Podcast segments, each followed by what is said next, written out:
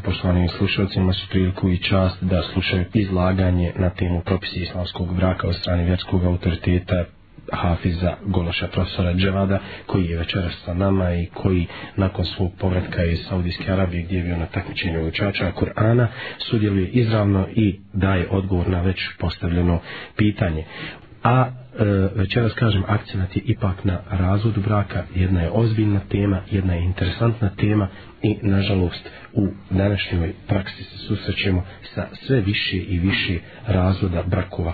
U uvodnom dijelu ćemo spomenuti i same uzroke razvoda brakova, nerazumijevanja, vjerovatno jedne i druge strane i tako dalje i onako direktno za naše slušalce će Hafiz da kaže da li je uzrok toga muška strana, ženska strana i jedna i druga podjednako ili gdje e, preteži i u čemu je u čemu je najveći problem. Bismillahirrahmanirrahim. Alhamdulillahi rabbil alamin. Wassalatu wassalamu ala rasulillahi wa ala alihi wa ashabihi wa sallam. Zahvala pripada Allahu dželle šanuhu neka salavat i salam na poslanika Allahu i poslanika Muhameda sallallahu alejhi ve sellem. Allahu dželle šanuhu molimo da nas poduči propisima svoje vjere i da nas okoristi od onoga što nas je podučio i da nas učini od onih koji će to znanje sprovoditi u svoju praksu. Prije svega da kažemo, da se podsjetimo da je velika važnost poznavanja porodičinog prava za svakog muslimana i muslimanku. Jer je to također jedan vid kroz koji jedan musliman i muslimanka obožavaju Allaha subhanahu wa ta'ala. Jer mi, kao što znamo, da obožavanje Allaha dželle šanuhu obuhvata više sfera čovjekovog života, znači kako obuhvata njegov namaz i njegov post i njegov zekat, kroz koji se ogleda njegova pokornost Allahu dželle šanuhu, isto tako treba da se ta pokornost Allahu dželle džalaluhu ogleda kroz E, praktikovanje njegovih propisa, svejedno da li to bilo za bračno pravo ili bilo za krivično pravo ili bilo za e, nasljedno pravo i tako dalje. I zato ponovo kažemo, e, dovoljno nam je samo da znamo da je to jedan od načina kroz koji obožavamo naše gospodara subhanahu wa ta'ala i kroz koje pokazivamo da smo pokorni Allahu Đerlašanu i njegov poslaniku sallallahu alaihi wa sallam. E, e, kao što ste rekli da je ovaj, tako mi nastavljamo dalje da govorimo o propise razvoda braka e, možda bi bilo onaj, da kažemo, bila bi dobra prilika da govorimo o braku i da kažemo onaj, o sklapanju braka i tako dalje, jer se spomenuo da tamo na Zilošanu nagradi hadis, da je poslanik sallallahu anehi wa sallam stupo upravo u ovom mjesecu u brakove, međutim shodno da smo mi prethodno već govorili o tim nekim propisima i da smo vidjeli s pitanja naših slušalca da zaista postoji znači jedna potreba za poznavanje kako e, načina sklapanja braka također i načina razvoda braka i propisa koji su vezani za ti zato jer kao što smo vidjeli da u prethodnim emisijama da smo imali pitanje i konkretne slučajeva gdje je došlo do razvoda braka i gdje je došlo do ti nekih slučajeva koji su suprotni propisima Allahu Anđelešanu vjera istog razvoda je poz, o, obavezno da ukažemo na poznavanje tih propisa e, zatim vezano za pitanje e, koji je uzrok na jednom razvodu braka znači da li muškarac, da li žena kažemo da e, uzrok može biti muškarac i uzrok može biti žena. Ali u svakom slučaju odgovornost je najveća na muškarcu. Jer Allah poslanik sallallahu alaihi wa sallam kaže Kullukum ra'an wa kullukum mas'ulun an ra'ayyati. Svi ste vi pastiri, svi ste vi odgovorni za svoje stado. Pa je tako čovjek odgovoran za svoju porodicu. On je pastir u svojoj porodici, što znači da je odgovoran za odgoj svoje žene, za odgoj svoje djece. Kako je odgovoran za odgoj svoje djece na islamu, također je odgovoran i za odgoj svoje žene na islamu, da ona poznaje propise Allaha subhanahu wa ta'ala, njegovog poslanika sallallahu alaihi wa sallam i tako dalje. Međutim, također jedan od uzroka jeste nepoznavanja propisa e, kako samog braka, također i samog razvoda braka. Jer kao što ćemo mi spomenuti dolje, e, dalje u govoru, da ćemo vidjeti da je da zakonodavac, to jeste Allah subhanahu wa ta'ala, njegov poslanik sallallahu alaihi wa sallam, da su suzili, ili da kažemo, e, zatvorili vrata ili većinu tih vrata koje vode ka razvodu braka. Pa tako, na primjer, spominjali smo u prošloj emisiji, a dotaknut ćemo se toga ponovi, ponovo ćemo e, ponoviti neke stvari. Na primjer, vidimo da je Allah Đelanašanuhu zabranio, to jeste učinio haram razvod braka u određenim situacijama. Zabranio je da čovjek razvede svoju ženu dok je ona hajzu. Zatim je zabranio da čovjek razvede svoju ženu u čistoći, ako je sa njom u toj čistoći imao polni odnos. Zatim, ako je razveo ženu u hajzu, da je obavezan da povrati ženu koju je razvede. Zatim da ako hoće da je razvede, da je potreban da pričeka dvije čistoće. To jeste čistoću nakon tog hajza, zatim sljedeći hajz, zatim sljedeću čistoću i zatim tek tu ako hoće da se riješi ili da razvede svoju ženu, da je se razvede. Što znači što vidimo ili što, je spomen, što su spomenuli islamski učinjaci, da svi ovi propisi dolaze kako bi se zatvorilo što više vrata može da se razvo, e, zatvori kada u pitanju razvod braka, pa je tako da je, do, da je dozvolio razvod braka samo u određenim situacijama. To jeste da je manji onih situacija u kojima je dozvoljeno da čovjek e, razvede svoju ženu, nego onih situacija kada čovjeku nije dozvoljeno da razvede svoju ženu. I tako da nema sumnje da onaj brak koji poznaje propise Allahove djelašanu vjera, propise Kur'ana i sunnete Allahovog poslanika alaihi salatu wasalam. Kao što nam je to detaljno i precizno pojašnjeno u kitabu i sunnetu Allahovog poslanika alaihi salatu wasalam, nema sumnje da u jednoj takvoj sredini da će zaista biti, da kažemo, mali postotak ili mali broj razvoda braka, eh, mali broj, eh, tako da kažemo, razileženja u jednoj familiji, da djeca ostaju bez roditelja ili da žive sa jednim roditeljem i tako da je tako. Molim Allaha djelašanu da nas poduči propisima njegove vjere. Poštovani slušalci, večeras u okviru 251. izdanja u serijalu Inna Hulhak govorimo na temu propisi islamskog braka četvrti dio. Gost predavač u studiju je Hafiz Gološ profesor Dževar, da ga lađe našamo u nagradi. Nadamo se, inša Allahu ta'ala, da ćete biti s nama i u narednim minutama, da ćete poslušati izlaganje u cijelosti, a nakon toga ostvariti kontakt sa nama putem telefona 736 630 i 736 631 uz napomenu da je pozivni broj za kanton 0032. Nakon ovoga što ste istakli, nameće se i fundamentalno suštinsko pitanje u pogledu razvoda braka. E, naravno, ulema se po tom pitanju podijela, to je nesumljivo.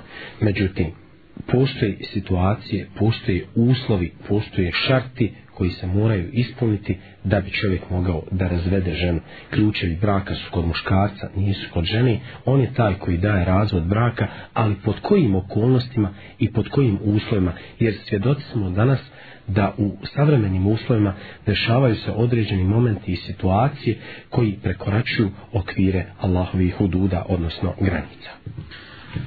Koliko bi se vratili znači ne izvore našeg islamskog bračnog prava, vidjeli bi da tamo imamo jednu podjelu razvoda braka e, s obzirom na dozvoljenost. To jeste situacija u kojima je dozvoljeno da čovjek razvede svoju ženu i situacija kada nije čovjek dozvoljeno da razvede svoju ženu. To se naziva at-talak as-sunni i at-talak al-bidai. Znači talak ili razvod koji je po sunnetu, to jeste koji je dozvoljen, je talak i razvod koji je po bidatu, to jeste po novotariji, koji nije dozvoljen. Pa tako kažemo da čovjek, ukoliko želi da razvede svoju ženu, da mu je to dozvoljeno da učini prvo u čistoći, pod uslovom da u toj čistoći nije sa njom imao polni odnos. Znači, ako bi se čovjek odlučio na to da razvede svoju ženu, onda to treba da bude u čistoći sa kojom nije, u kojoj nije imao polni odnos sa njom. I to se temelji na ajetu gdje Allah subhanahu wa ta'ala obraća se svom poslaniku sallallahu alaihi wa sallam u suri At-Talaq i kaže ja ayuhan nabiju idha talaqtumun nisa fatalliquhunna li iddatihinna wa ahsul idda o poslaniče ako budete i kada budete razvodili svoje žene fatalliquhunna li iddatihinna onda i razvedite u iddatu ovdje iddat znači kao što kaže Abdullah ibn Abbas radijallahu ta'ala anhu fi tuhrin min gajri džima'a u čistoći u kojoj čovjek nije imao polni odnos sa svojom ženom. Znači, pod broj jedan, znači mora, dozvoljeno mu je da razvede svoju ženu u čistoći, ako, da tako znači, ako nije u toj čistoći sa njom imao polni odnos.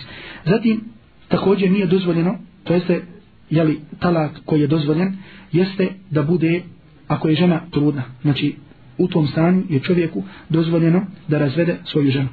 E, jedna od vidova kada nije dozvoljeno da čovjek razvede svoju ženu jeste ukoliko je žena u hajzu.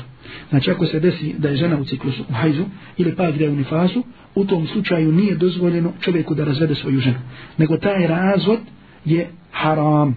Po ispravnom mišljenju islamskih učenjaka svaki e, razvod Nuhajzu jeste haram, to jeste nije dozvoljeno. I on se temenji na hadisu koji je zabilježio imam Buhari, imam Muslim u svojim sahihima.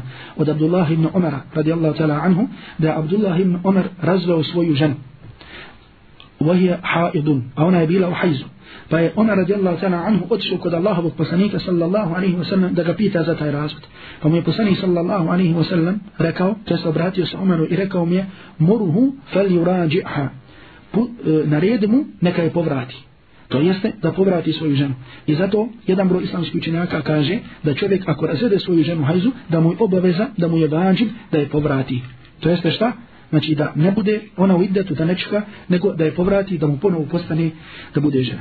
Zatim poslanik Ali Isra'atu Islam dalje kaže Omeru radijallahu tala anhu thumma Zatim, zatim, thumma li yatrukha hatta tathur, thumma tahir, thumma tathur, thumma inša talaka ba'du, ثم إن شاء أمسك بعد وإن شاء, وإن شاء طلق قبل أن يمس Znači zatim, kaže, na jednu neka je povrati, a zatim neka je zadrži dok se ne očisti, to je čiste dok je ne dođe period čistoće, zatim dok je ne dođe period hajza, zatim kada je poslije tog hajza drugog dođe period čistoće, kaže onda neka je zadrži ili ako hoće neka je onda razvede, prije nego što je dotaknije to jeste prije nego što bude sa njom, sa njom imao polni odnos. Što znači da je to način Zatim kaže poslanik Ali sallallahu alejhi ve sellem: "Fatilka al-'idda allati amara Allahu 'azza wa jalla an tutallaq laha an-nisa." Kaže poslanik Ali sallallahu alejhi ve sellem: "To je iddat, znači koje koji je naređen da se u njemu razvode žene." E, to je iddat koji je Allah dželle šanuhu naredio da se u njemu da tako šta da se u njemu ovaj razvede žen. U rivayetu Muslima kaže poslanik sallallahu alejhi ve sellem: "Thumma li yutalliqha tahiran aw hamilan", a zatim neka je razvede dok je ona u čistoći ili ako je trudna. Što znači ako je žena trudna, tada je čovjeku dozvoljeno da razvede svoju ženu. Zatim jedan također od važnih načina, jedan od važnih propisa koji mora da se zna, koji se mnogo dešava među našom omladinom, koji se ožene, Međutim, radi neki mali problema brzo pro, uh, e, požure, pa ne samo da razvedu da kažemo ženu, nego je razvede odjednom tri puta, pa joj kaže pušta nas i tri puta, ili pušta nas i deset puta, pušta nas i milion puta. To je također jedan od načina koji su zabranjeni da na taj način čovjek razvede svoju ženu. Znači da je čovjek razvede tri puta sa tri riječi. Znači da rekne razvedena si, razvedena si, razvedena si. To je način koji je zabranjen na taj način da čovjek razvodi svoju ženu. Ne samo tri puta, nego i ako je rekne dva puta, po ispravnom mišljenju među islamskim učenjacima, kao što je mišljenje u hambelijskom mezhamu, da je čovjeku zabranjeno, pa makar dva puta da rekne, da na taj način ne razvede svoju ženu. Nego pa dozvoljeno je način onako, kao što smo spomenuli, a to je da čovjek razvede svoju ženu, da je razvede u čistoći sa kojom nije, u kojoj nije sa njom imao polni odnos. Ono što ovdje također bih želio da napomenem, a to je da je po mišljenju većine islamskih učenjaka i to je mišljenje na koju upućuju dokaze i sunnet Allahovog poslanika alaihi salatu wasalam da čovjek ukoliko razvede svoju ženu u hajzu da se to da je to ipak razod koji se ubraja u razod i da se to smatra jednim razodom i to se temelji na pomenutom hadisu kojeg smo spomenuli, a to je gdje Allahu poslanik Ali se to sam obraća s Omaru i kaže murhu fal yurajiha, nared mu da je povrati. A mi znamo da povratak žene ili murađa, što je spomenuo u ovom hadisu, ne dolazi osle, osim posle razvoda.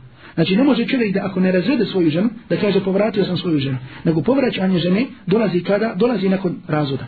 I ova riječ u ovom hadisu je dokaz onih islamskih učenjaka koji kažu da čovjek ukoliko bi razveo svoju ženu na neisprava način, na haram način, na bidat način, da je to ipak razvod koji se ubraja. Znači, ako bi je razveo u hajzu, ili pak ako bi je razveo u čistoći, a da je prijateljno sa njom imao polnjenost. Znači, to je taj razvod braka je haram, međutim, po mišljenju većine islamskih učenjaka, i to je mišljenje četiri mezhara, i temelji se na pomenutom hadisu koji smo spomenuli, da se to taj razvod ubraja. I također, E, dokaz koji puče na ovo mišljenje je e, hadis također, znači rivajet ovog hadisa kojeg smo mi spomenuli od Abdullah ibn Omara koji je izabilježi imam Bukhari u svom sahihu gdje kaže Abdullah ibn Omar znači onaj kome se desi ovaj događaj da je razveo ženu u hajzu pa kaže Abdullah ibn Omar va husibat tilka talqa i taj razvod mi se ubrojao ubrojao, ubrojao kao razvod znači onaj koji prenosi ovaj događaj kaže koji je vlasnik, kao što bi se rekli, sahibu lakisa, vlasnikova događa, kaže da mu se taj razvod ubraja. I zatim, zato kaže imam Buhari u svom sahiju, e, spomenuo jedan naslov gdje kaže babun iza tulliqat il haid ta teddu bi zalika talak kaže poglavlje ako bi se žena razvala u hajzu da joj se taj razvod smatra, znači da se to smatra jednim razumom. Znači ovo je bilo nekoliko, da kažemo, o, vezano, ovi, o, e, vezano sa, zato kada je čovjeku dozvoljeno, znači u kojem stanju je dozvoljeno da razvede svoju ženu, a kada mu, nije, e, kada mu pak nije dozvoljeno da razvede svoju ženu. Nema sumnje da je ovo što ste rekli utemeljeno na kuransko-hadijskim tekstovima i na islamskom pravu koji zastupa relevantna ulema od Allahovog poslanika sallallahu alihi veselam do današnjih dana. Međutim, smatram da je relevantno također da progovorite i o kategorijama žena u pogledu ovog propisa kako se odnosi na situaciju trudnice, kako se odnosi na situaciju one koja to nije, kako se odnosi na poj e, svaku pojedinu kategoriju da taksativno sada ne nabrajamo ovaj propis u znači u situaciji u situaciji razvoda. Mi u Kur'anu i Sunnetu Allahovog poslanika Ali Sallatu Islam nalazimo e, razne propise vezano za razvod braka i e, e, idet, to jeste vrijeme pričeka. E, E, da se ono razlikuje, da kažemo, od vrste ili kategorije žene do druge vrste, do druge kategorije. Tako, na primjer, nalazimo e, da neke žene, da je njihov ide tri mjesec, nalazimo da je neke ovaj, e, njihov idet e, tri hajza ili tri kur'a, nalazimo da je neki, da je njihov idet, da žena ovaj, e, da žena a, rodi svoje dijete ako je trudna i tako dalje. Tako da ćemo sada ovdje tri mjeseca, smo rekli ova, neke da ide nju tri mjeseca, ne tri dana. E, pa ćemo tako ovdje sada spomenuti znači vrste ili kategorije ti razvedenih žena. Tako prva a, kategorija jeste ona žena a, e, koja se zove rađaija. To jeste žena koju muž razvede, međutim ima pravo da je povrati onda kada on hoće. Pa tako da kažemo da je to žena, ona sa kojom je čovjek imao polni odnos. Jer ako se desi da čovjek oženi ženu, a nije sa njom imao polni odnos, niti se je sa njom, niti se je sa njom osamio, na primjer desi se čovjek razvede ženu, nije sa njom imao polnog odnosa, niti se osamio. Zatim razvede tu ženu. Ta žena nema iddata. Znači ta žena nikako nema idet, ona može odma šta posle toga da se uda. Jer kaže Allah dželle šanu: "Ja hel lezin amen iza nikahtum mu'minat, thumma talaqtumuhunna min qabl an tamassuhunna fama lakum alayhinna min iddatin ta'taddunha." Kaže ovo vi koji vjerujete, ako oženite žene, ako oženite vjernice, a zatim je razvedete prije nego što i dodirnete, to je prije nego što imate sa njima polni odnos ili osamljivanje, kaže fa malekum alejhinna min iddatin ta'tadun. Pa onda vi prema njima ili to jest one nemaju iddata da ga čekaju. Zatim ako bi se desilo, znači prvo da čovjek ima polni odnos sa, sa tom ženom. Zatim nakon što je čovjek imao polni odnos sa ženom, zatim da je razvede jedan put ili dva puta a da nije iddet nije prošao. Jer kažemo, ako čovjek razvede svoju, e, da čovjek ima pravo da razvede svoju ženu tri puta. Znači dva puta kada je razvede ima pravo da je povrati. Treći put kada je razvede nema pravo tog povrata. Ako bi se desilo da čovjek razvede svoju ženu tri puta, nema pravo nikako da je povrati sve dok ne oženi drugi čovjek. I to ćemo kasnije pojasniti. Međutim, ako bi se desilo da čovjek razvede svoju ženu jedan put, ili poslije tog puta ponovo mu se desi da razvio, znači drugi put da bude razvod, ona tada ima isčet, to jest ima iddat. I to, uh, taj isčet ili taj period jeste tri kur'a kod žene koja ima hajz. Znači žena koja uh, ima hajz, znači ne žena koja je starija koja je prestao hajz, nego žena koja ima hajz, ona je dužna da čeka tri hajza. Znači ako je on nju razveo, da kaže mu čistoću. Ona treba da pričeka jedan hajz, zatim poslije toga čistoću, zatim drugi hajz, zatim čistoću, zatim treći hajz. Kada je istekne taj treći hajz, istekao je njen, treće mjesečno pravo, pre, prošao je njen idet, njen isčet i ona poslije toga može da se uda za koga ona hoće. Što znači da žena, onda kada je muž razvede, manje od tri puta, jedan put ili dva puta razvio, a nije prošao taj njen idet, on u tom periodu ima pravo da povrati svoju ženu kada on hoće. I ne uslovljava se tome njena volja.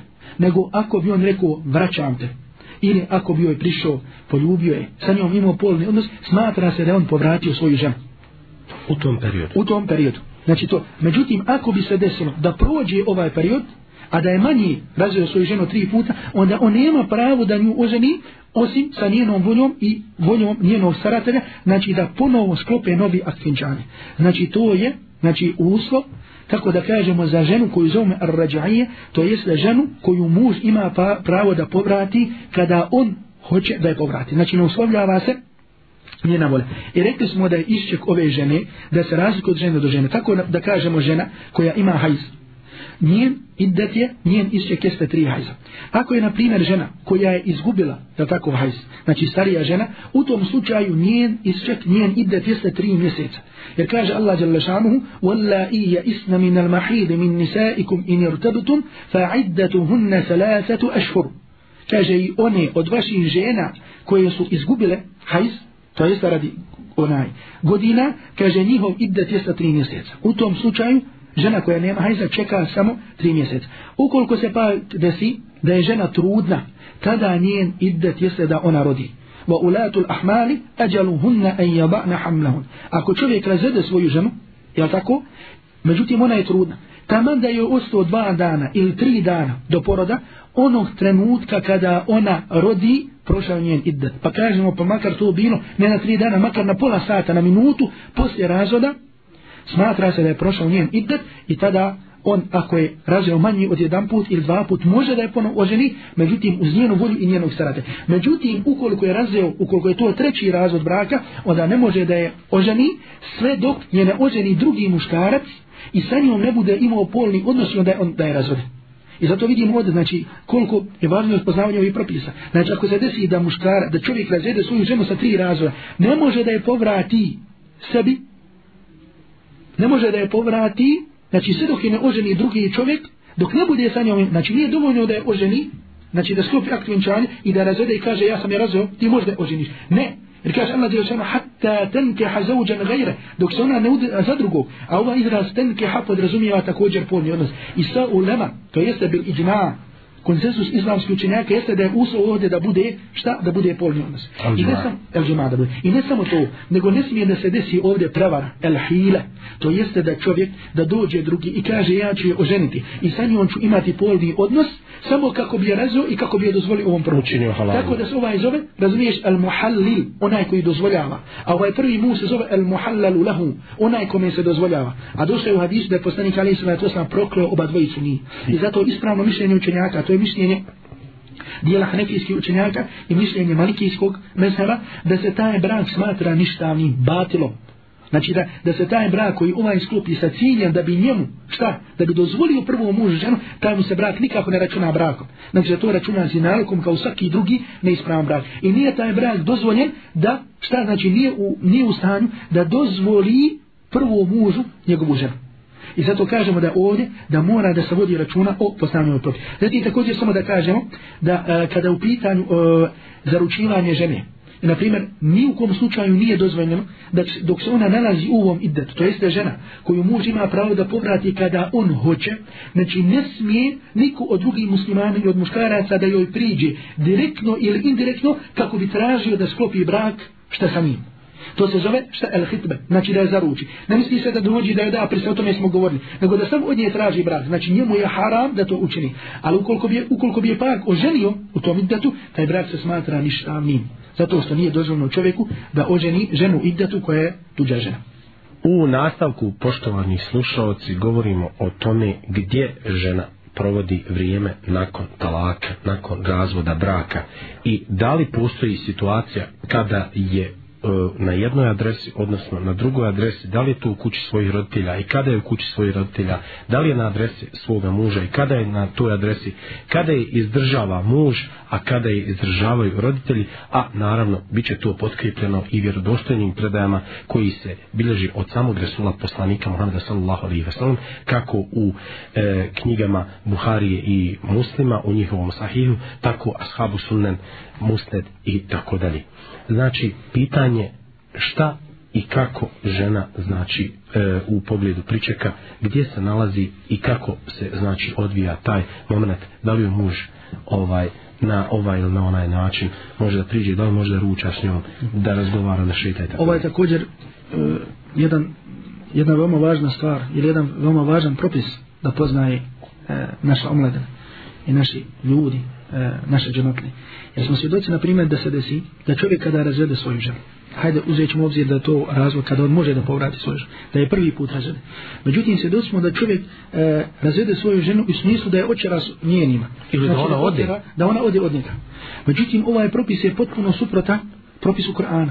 Jer Allah, Đalešanu, kada je upitan, kada su pitanju žene na koje ima pravo muža i povrati Allah dželle šanu kaže la tukhrijuhunna min buyutihinna wala yakhrujna illa ayatina bifahishatin mubin inamoite istiravati iz njihovih kuća i neka one nikako ne izlaze osim ukoliko dođu za ružnim djelom.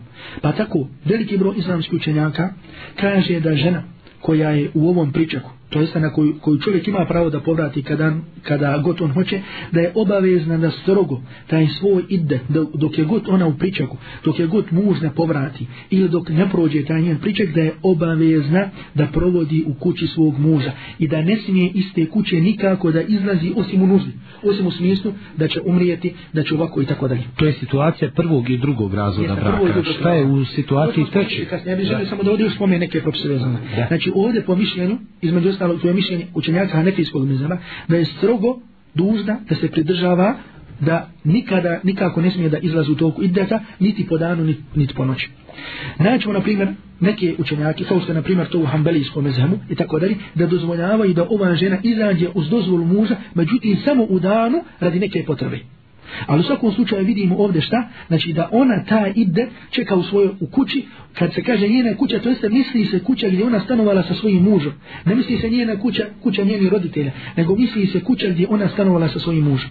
I kažemo da je to, da vidimo ovdje jasno, znači desi se čovjek razvede svoju ženu i da, da ona provodi kod svoji. Ne, ona je obavezna da provodi, ako si razvao svoju ženu, da provodi u tvojoj kući.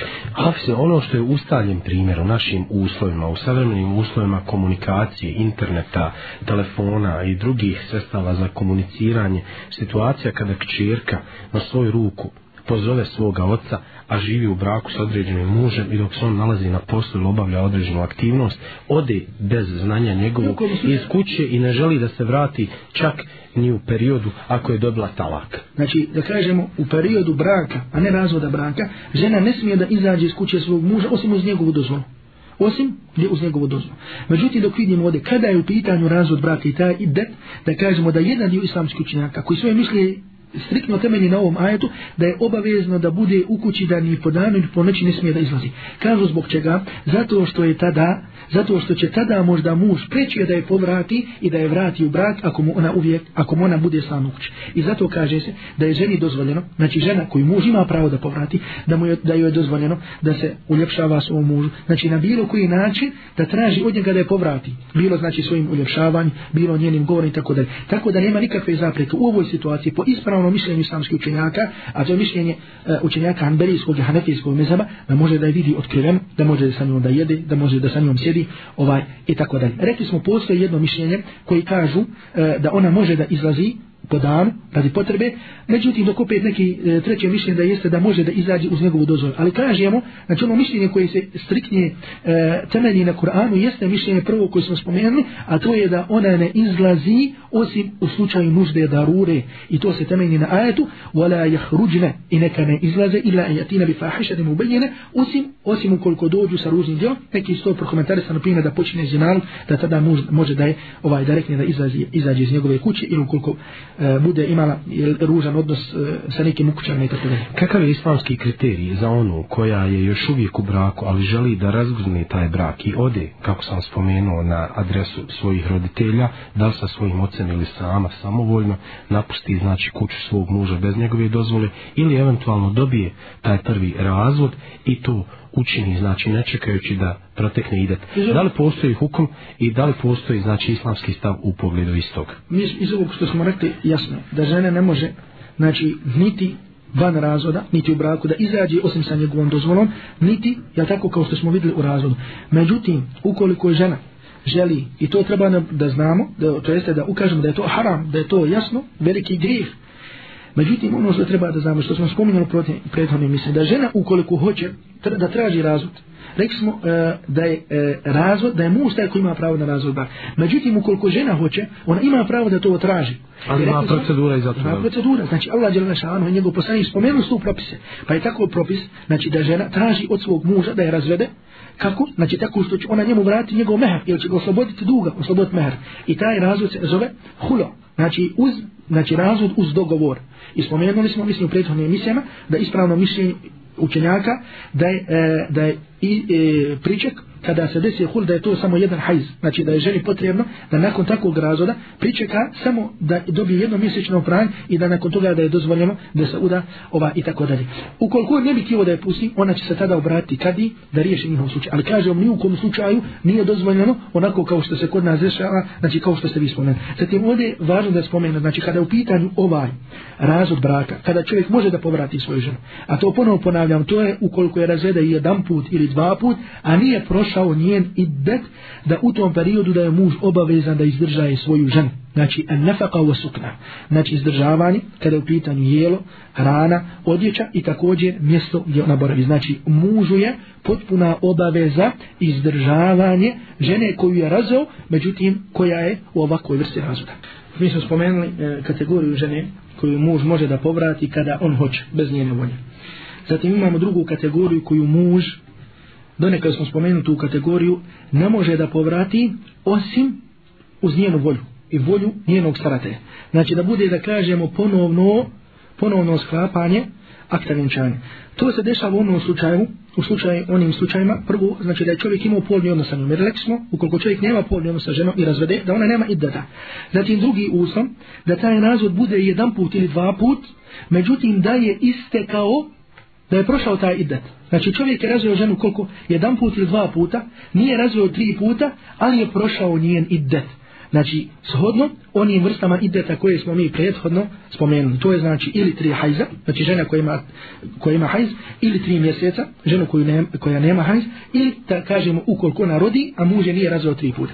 Tada čovjek ukoliko želi da razvede tu ženu, mora da, može da je, ukoliko želi ponovo da oženi tu ženu, može da je oženi tek ukoliko ona da saglasnost za to. Znači nije kao prethodno. I njen velija, njen staratelj mora da da saglasnost, shodno atis o kojem smo govorili, la nikaha ila ila bi walijin da nema brata osim uz dozvolu e, osim uz dozvolu starate. Znači što se tiče e, vrsta idete ili vrsta pričaka, vrste pričaka su isto kao one koje smo prijethodno ovaj spomenuli. Također ovdje želimo da kažemo, znači da čak i kada je u pitanju ovaj razvod braka, da postoje propisi koji nam govore o tome gdje je ova žena, ona se zove Elbain, znači koja je, da kažemo šta, koja nema više nikakve veze sa svojim mužom, gdje ona provodi svoj iddet. Pa tako kaže se da ona također mora da provede ova iddet u kući i da ne može da izlazi kao da kažemo obična žena.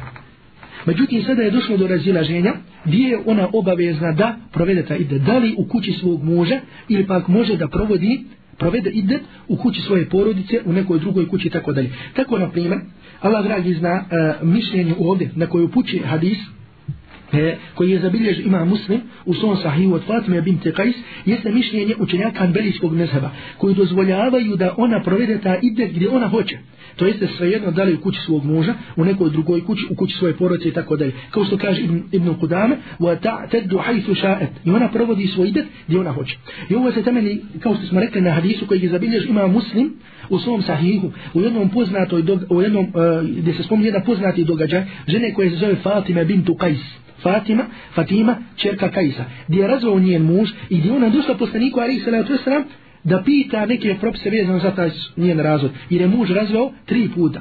Pa je došao uh, Šabi, jedan poznati tabi'in, pa je pitao, znači o ženu, o ženi koju muž razvede tri puta, gdje ona provodi svoj izzet. Pa mi je rekla Fatima bin Qajs, talakani ba'ali salasan, fa edina li Rasulullahi en a'tadda fi ahli. Kaže, razveo me moj muž tri puta, pa mi je poslanik sallallahu alaihi wa sallam dozvolio šta?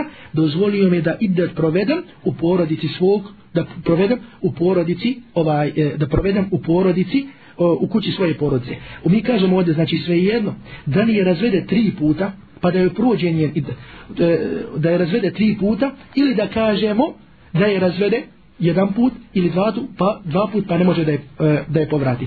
Kažemo tada da ona može da provede svoj iddat tamo gdje ona hoće.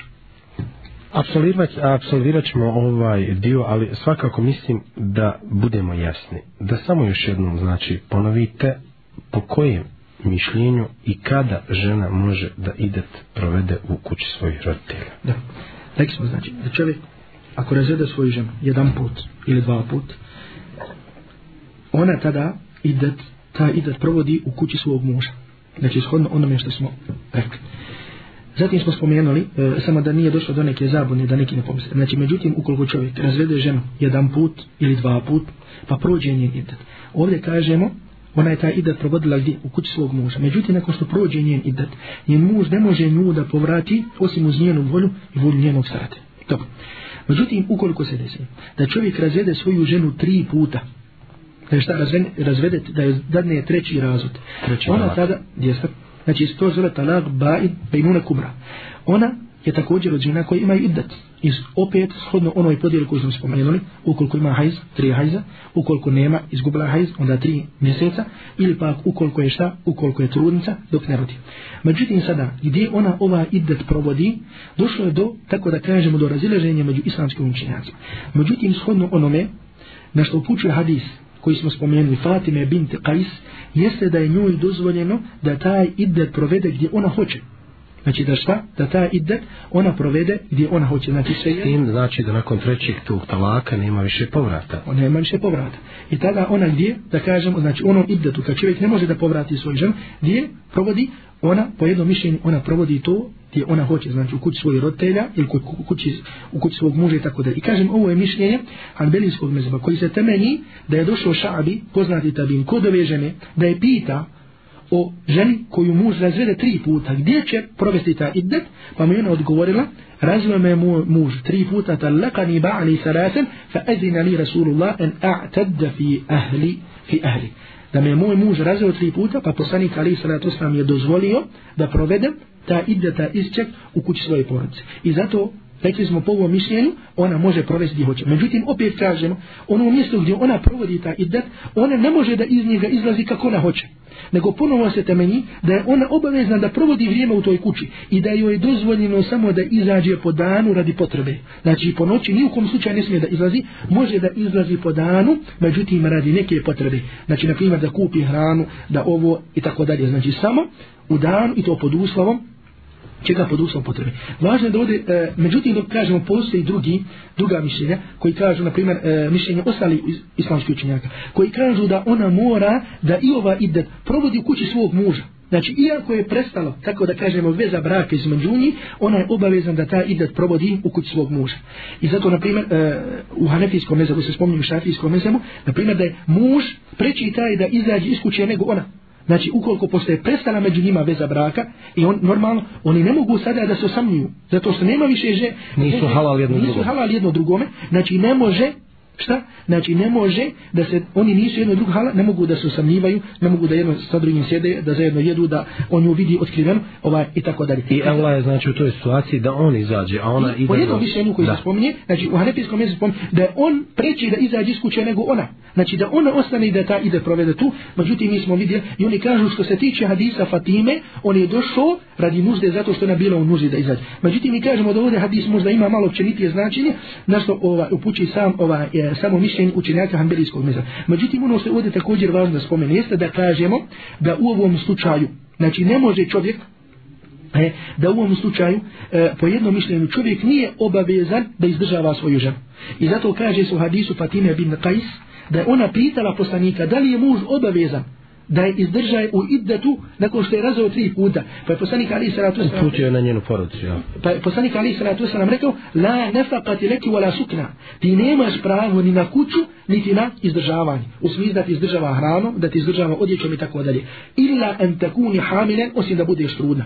Pa tako, ovo je također mišljenje handelijskog mesela, gdje kažu da žena koju muž razvede, međutim nema pravo da je više povrati, znači osim uz ona da nema pravo više da je povrati a to je kada bude tri puta da u tom slučaju oni obavezna da izdrže osim ukoliko ona bude truda međutim dok u drugom slučaju na primjer imamo jedno suprotno tome mišljenje a to je mišljenje hanefijskog mezeba to je zatim mišljenje Omer ibn Abdul Aziza e, mišljenje Omer radijallahu ta'ala anhu da je muž i u tom slučaju obaveza da izdržaje znači da obezbedi i kuću gdje će stanovat i da izdržaje kada upitan hrana kada upitan odjeća znači sve dok je ona u idetu bila ona truda i ne bila dok na primjer u šafijskom i malikijskom mezebu imamo tu objašnjenje, ne želimo sa tu, ovaj, da u to ulazimo, da to spominjem, ali možda ono na što upućuje hadis, a to je jesan hadis u muslimu, od Fatima bin Qais, da kaže poslanik, e, da je poslanik joj rekao, la nefakati lefe, wala sukna, nemaš pravo ni na kuću, to jeste da ti je muž obavezan da ti izdržaje, wala Vala nefaka, vala sutra. Niti pravo na kuću da staniješ, da ti obezbijedi kuću, niti da te izdržaju u smislu hrane, u smislu odjeće i tako dalje. Znači to je ono što je vezano za ovo. Ali opet je također važno da spomenem da ova,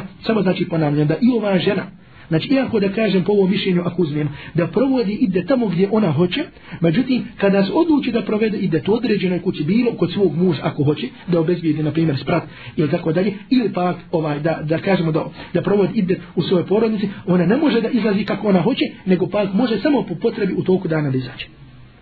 Ovo su situacije razvoda braka koje ste spomenuli kada e, znači prestaje bračni odnos na relaciji muža i ženi.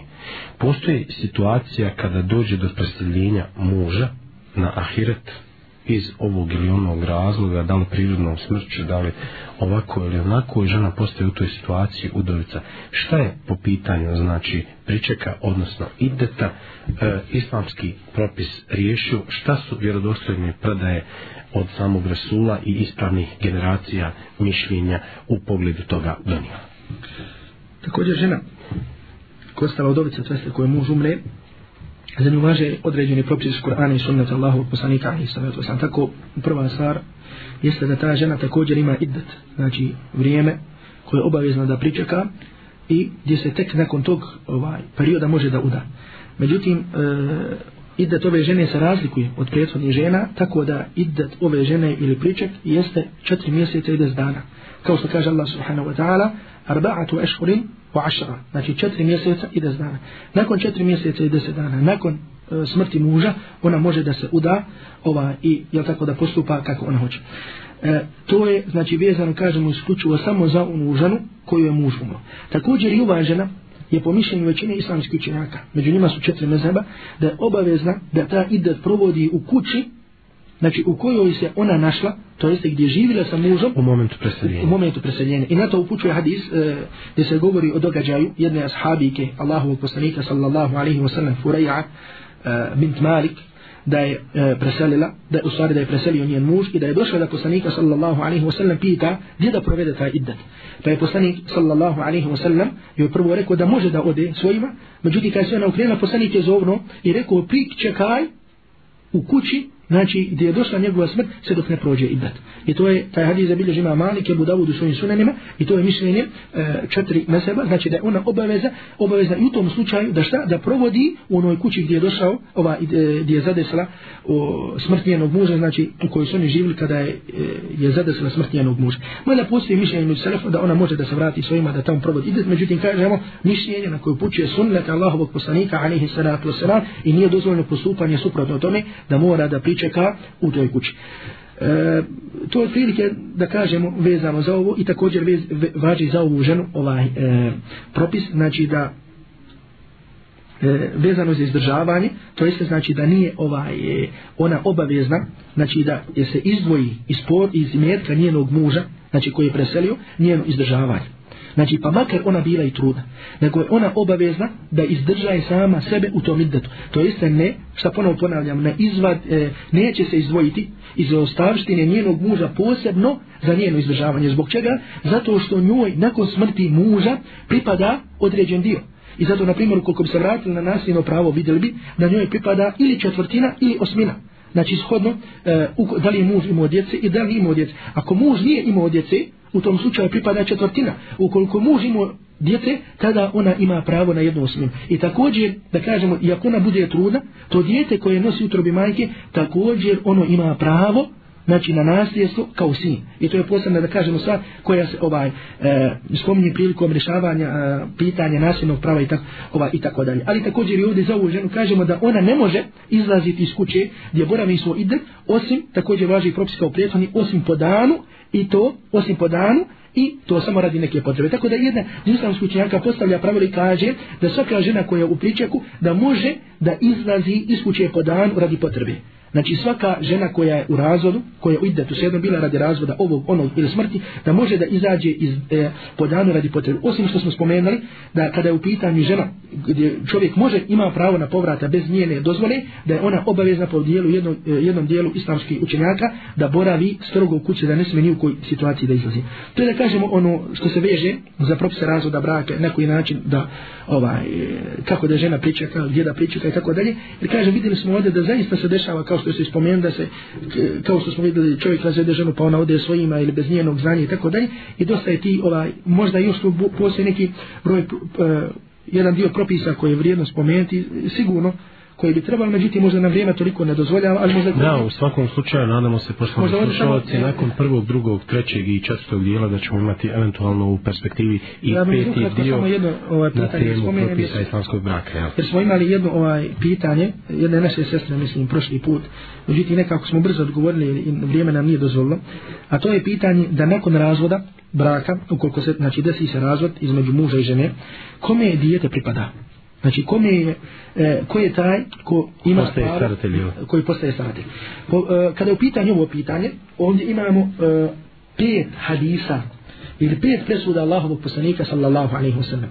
Dva hadisa od tih hadisa ili od tih presuda odnosi se na dijete dok je dijete mlađe od sedam godina ili devet godina. Znači to je jedna granica koja se zove haddu tamiz. Kada dijete dođe do te granice da može da razlikuje stvari, da samo se oblači, da samo vrši nuždu, da samo sprema sebe i tako dalje. Pa jedan dio, jedan dio učenjaka je reklo da je to sedam godina, devet godina i tako dalje.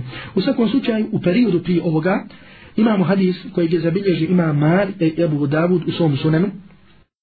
Kod Amr ibn Šaiba, on prenosi od svog oca, on od svog djeda, Abdullah ibn Amra ibn Asa, da kaže da je došla žena Allahom poslaniku alaihi salatu wasalam i rekla Allahu poslaniće ovo moje dijete je bilo moja utroba i moj stomak je bio utočište ovom djetetu i moja prsa, moja prsa su ga hranila a sada njegov otac, otac svog djeteta hoće da uzme to djete od mene. Pa je poslanik Ali Salatu Osalam rekao, enti ahakku bihi malem tenkihaj. Ti imaš najveće pravo na to djete sve dok se ti ne obdoaš. Tako da po iđma'u, po uh, jednog, znači, jednoglasnom mišljenju islamskih učenjaka, da je žena najpreća koja ima pravo na djete ukoliko je djete mlađe od pomenutog propisa. I to je znači mišljenje po kojem nema razilaženja kod islamskih učenjaka. Sad ne dolazi do razilaženja, jer poslanik Ali Isra to sam ovdje kaže šta, dok se ti ne udaš. Znači da prvo bude šta prije 7 ili 9 godina, jer posle toga, ukoliko djete stari od toga, ili kada pređete to godišnje doba, posle jedan drugi proces koji ćemo spomenuti. Međutim, pri ovoga, majka je najpreća za to djete, osim ukoliko bi se udala.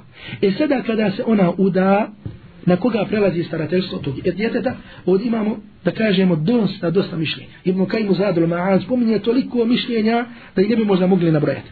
Međutim, mišljenje, tako da kažemo, ili nekoliko mišljenja bi mogli izdvojiti oko, Rađe, koji, mišljenje, oko koji se vrti, tako da kažemo, onaj e, dokazi, a to je mišljenje e, jednog dijela u Leme među kojima imam Šaukani da kaže ako bi se majka udala, da tada starateljstvo prelazi na tetku. To jeste na sestru od majke. Jer, se to, jer Allah poslanik alaihi salatu sallam kaže u hadisu koji je zabilje džima Bukhari od Bara ibn Aziba. A to je bio događaj kada je bilo svojenje Mekke. I da kada je poslanik alaihi salatu sallam ušao u Mekku, da je došla čerka od Hamze ibn Abdul Muttaliba. Da je došla i da se obratila Ali radijallahu ta'ala anha, anhu i da je zatražila da bude kod njega. Ona je bila šta? Malo djede. Pa je također došao tu Džafar, znači, i također on je zatražio da on ima starateljstvo na, te, na tim djetom. Znači, prvo je zatražio u tom slučaju Alija da ima pravo na starateljstvo, zatim je zatražio Džafer i zatim dolazi i Zaid, da di Allah tala anhu, i traži starateljstvo.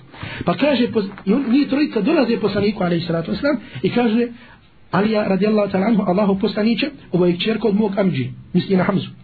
Pa kaže Džafer, ovo je čerka mog amđi, a tetka njena je udata za mene.